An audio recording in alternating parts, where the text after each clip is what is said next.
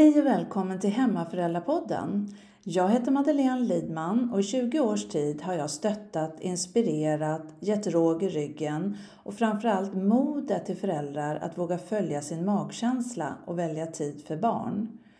Mycket av arbetet med att stötta föräldrar sker genom Hemmaföräldrars nätverk som jag grundade för två decennier sedan. I den här podden så kommer vi att prata om vad små barn behöver, osensurerat.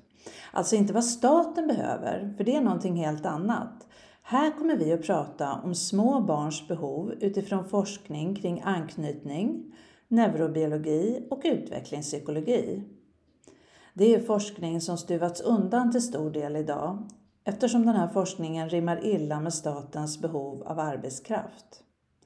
Jag tänker som så att det här är alldeles för viktig forskning för att föräldrar inte ska få ta del av den. Vi har en fantastisk föräldrageneration idag som funderar mycket kring hur barnen ska få en bra uppväxt. Men tyvärr så grundar sig många av råden de får på propaganda istället för fakta. Det är synd, för forskning kring små barns behov ska naturligtvis ligga till grund inte bara för hur familjepolitiken utformas utan även för hur barnomsorgen utformas. Att lyfta forskningen som finns är därför så viktigt och en win-win för alla oavsett vilken lösning man har valt under de första viktiga åren. För det är ju så att det är så mycket lättare att bygga starka barn än att laga trasiga vuxna. Många springer snabbt i sitt ekorrhjul idag och hinner inte stanna upp och reflektera. Och reflektion är en så viktig bit av föräldraskapet och livet. Det här är bitar vi kommer att prata mycket om också. Hur vi hela tiden utvecklar vårt föräldraskap, lär oss nya färdigheter som vi sen kan ha med i en CV och hur vi tar vara på det där enda livet vi har. Ett liv som inte går i repris. Livet går sina egna vägar, brukar jag säga. Det finns många skäl till varför föräldrar satsar på tid för barn. Eh, det finns lika många skäl som det finns föräldrar.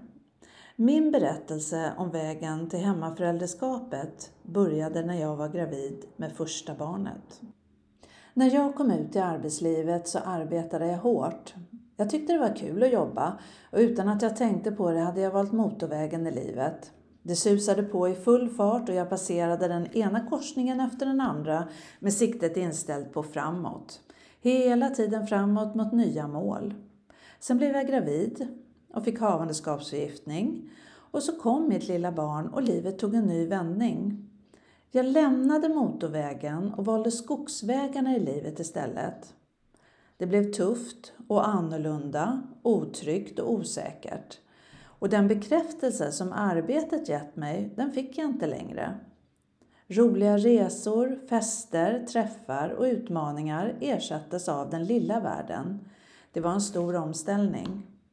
Men när jag landat i det hela så blev min färd på livets väg en färd på skogsvägarna. Det blev ett annat tempo och en annan upplevelse.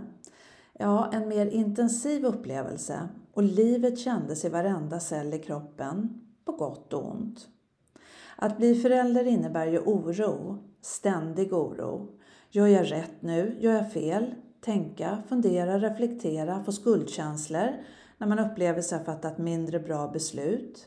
Korrigera, tänka om och mitt i allt det enorma lyckokänslor över de små sakerna som egentligen var stora. Första leendet, första tanden, första stegen, första orden. Och samtidigt under den här första perioden i bebisbubblan så hände någonting med mig som människa. Jag blev mjukare, varmare och mer öppen för livet och människorna på vår jord. Trots att jag inte förstod det så hände det någonting med mig som vi människor inte tar med i en meritförteckning. Ja, jag fick inte högre lön eller bättre betalt.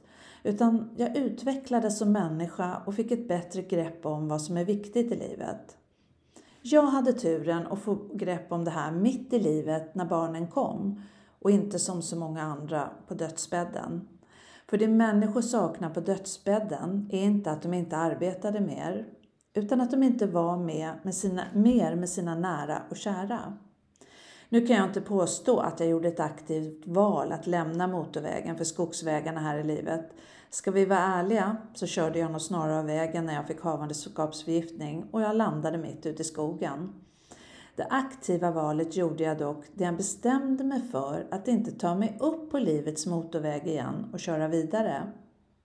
Jag bestämde mig för att stanna där på skogsvägarna, mitt i den gröna skogen bland allt fågelkvitter och suset av vinden i trädkronorna. Jag tog därmed en vackrare men också svårare, byngligare och tuffare väg framåt på livets väg. Men ack, en så mycket mer fantastisk väg.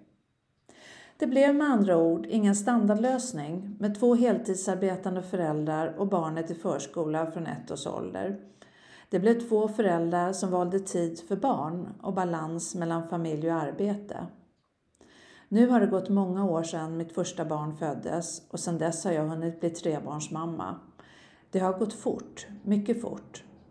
Alla ni som haft eller har en hund vet hur man kan titta på sitt husdjur med kärlek och tänka Åh, din stackare, vilket kort liv du har. Den punkten har jag nått lite grann nu, när jag verkligen förstår med hela mitt sinne hur korta liv inte bara våra husdjur har, utan även vi människor. Det är inte en insikt man kan dela egentligen, det är en insikt man måste uppleva genom att leva ett visst antal år. Jag tror att man måste hinna fylla 40 för att förstå.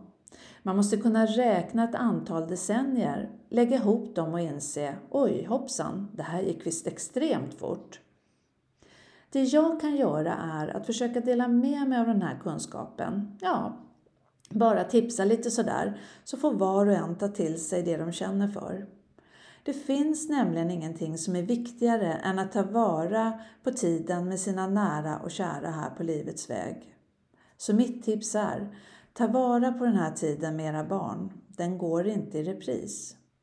Ni som väljer tid för barn och balans mellan familj och arbete kommer att bli ifrågasatta. Och ni kommer att bli modstulna och ledsna på grund av det. Men kanske är de där påhoppen egentligen bara en fråga eller en rädsla. Och de som ifrågasätter och fäller elaka kommentarer om ert val är kanske bara oroade över att de själva valt fel. Så sträck på er och kom ihåg att ni är starka, modiga och alldeles särdeles speciella som vågar gå mot strömmen. Ni kommer inte att känna er himlastormande lyckliga där mitt i livet på skogsvägarna alltid. Men en dag så trillar poletten ner och ni ser vad ni har åstadkommit här i livet och vad som är viktigt egentligen. Och det är familjen och framförallt barnen. Det här är frågor som vi kommer prata mycket om. Under hösten har vi många spännande gäster inplanerade. Vi kommer prata mycket om anknytning, neurobiologi och utvecklingspsykologi. Så välkommen till Hemmaföräldrapodden. Snart kör vi igång på allvar. Tack och hej så länge!